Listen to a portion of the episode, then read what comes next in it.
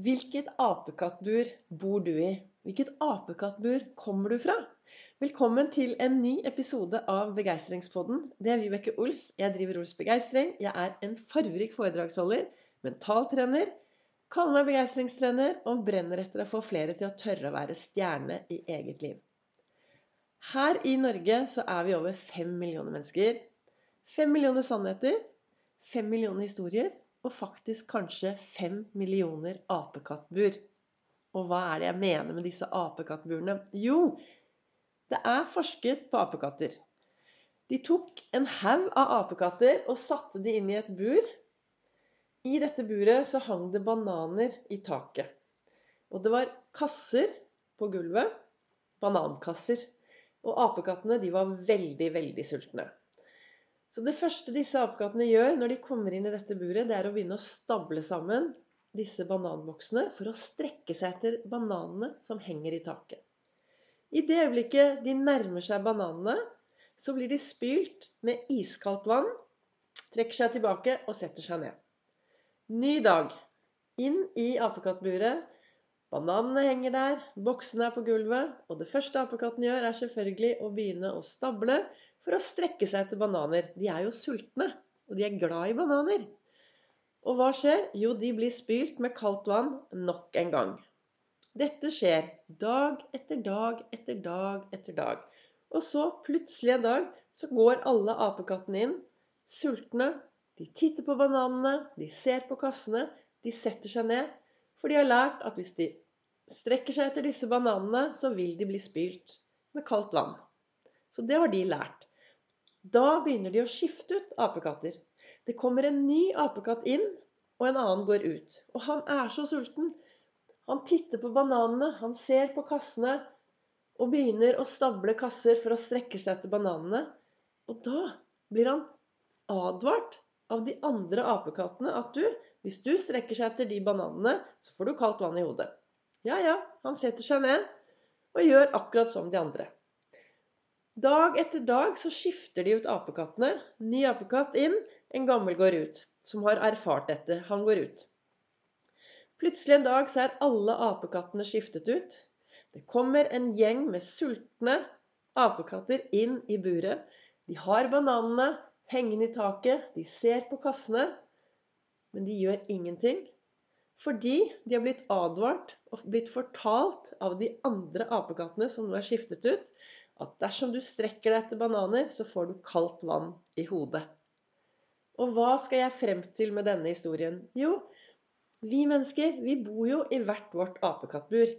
Jeg er helt sikker på at du har masse du tror på uten at du selv har erfart det. Du leser kanskje avisen, du ser på TV, du hører på sosiale medier. Vi gjør veldig mye gjennom dagen, og så tror vi på mye av det vi blir fortalt på. Så hovedgrunnen til at jeg sier dette her, det er at av og til så er det viktig å stoppe opp og finne ut Tror jeg på de riktige tingene? Går jeg rundt med troer som er bra for meg? Hva tror du om deg selv? Om de rundt deg? Om livet ditt? Er det troer som er bra for deg? Er det troer som får deg til å ha en bra hverdag? Eller er det kanskje noen troer du skal kaste vekk og si at nei, nå skal jeg begynne å tro på fremtiden. Tro at jeg kan være stjerne i eget liv. Tro at jeg er bra nok. Det er en av grunnene til at jeg forteller denne historien. En annen grunn er at vi mennesker, vi er jo så flinke. Jeg jobber jo oppe på Gardermoen i SAS Ground Services. Jeg har 36 års erfaring.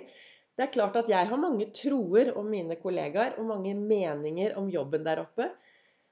Og nå er det sommer. Vi får mange nyansatte. Og kanskje du også jobber i en bedrift hvor det nå kommer inn sommervikarer og nyansatte. Hvem har da ansvar for å lære opp de hva de skal tro om bedriften? Kanskje vi skulle la alle nyansatte selv få lov til å få erfaring om hvordan det er å jobbe? Kanskje du er en som har et dårlig forhold til en sjef, og så sier du til en nyansatt at du, pass deg for han, han er alltid sur. Det er din opplevelse. Pass deg for henne. Hun, for, hun har for mye optimisme og glede. Så hold deg litt unna henne. Vi har våre opplevelser av andre mennesker er de opplevelsene vi har. Og når det kommer nye mennesker inn i bedriften, nye mennesker inn i miljøet vårt, så la folk få lov til selv å finne ut hvordan det er. Jeg husker når jeg begynte i SAS for 36 år siden. Jeg var så stolt. Jeg hadde på meg SAS-uniform, høye hæler, kom på jobben, og jeg bare Altså, jeg var så utrolig stolt for å få lov til å jobbe i SAS på Fornebu. Ikke Gardermoen, det var Fornebu den gangen. Og så kom jeg opp på oppholdsrommet, og så det første jeg blir møtt av, er noen kollegaer som sier Stakkars deg, Vibeke. Du skal jobbe, på, du skal jobbe støtteskift. Uff a meg. Stakkars deg. Jeg ante jo ikke hva et støtteskift var i forhold til et annet skift. Det det viste seg, var jo at støtteskift, det var 9 til 17 eller 14 til 23. Og de andre de jobbet jo da 14 til 23 og 6 til 2 neste morgen. Men det å begynne liksom klokken ni, nei, det var jo helt forferdelig, for da forsvant hele dagen. Og det var så mange som hadde meninger om det skiftet jeg skulle gå, istedenfor å la meg få lov til å finne ut at faktisk så var det helt fantastisk. Jeg fikk søvn, jeg kom meg hjem, og jeg var strålende fornøyd. Så hva er det jeg ønsker å få frem med dagens episode? Jeg ønsker at vi mennesker skal bli litt mer bevisst på hvordan vi lar oss påvirke av alt det som skjer. Og har du noen troer altså ta, Sett deg ned i dag og så finne ut hva tror jeg egentlig på. Altså Noen har jo trodd lenge på julenissen. Vi vokste opp og trodde på julenissen. Kanskje det nå er på tide å begynne å tro litt mer på seg selv. Og tro at dette blir bra. Det ordner seg. Det fikser seg. Det blir en bra dag. Jeg er et ålreit menneske. Kanskje juni er den måneden hvor du virkelig skal ta tak i din egen hverdag og si at vet du hva? Jeg er i ferd med å få den beste hverdagen noensinne. Det skjer noe når du kan si 'Jeg er i ferd med'. Jeg er i ferd med å få det bra. Jeg er i ferd med å få overskudd. Jeg er i ferd med å få nok søvn jeg er i ferd med å bevege meg nok, da, da sakte, men sikkert så påvirker du topplokket ditt til å få mer av det du tror på. Så min plan var jo egentlig at jeg skulle sende, lage en podkast hver dag i hele mai. Men som jeg har sagt på en tidligere podkast, så jeg bruker jo mye tid hver eneste dag på å reflektere i starten av dagen. Og da kan jeg jo dele med dere jeg, hvordan jeg reflekterer, og hva jeg gjør for å lage meg en god dag. Nå er allerede klokken eh, halv ett nå i dag når jeg spiller inn denne episoden. Og det er fordi jeg har vært ute og beveget meg litt.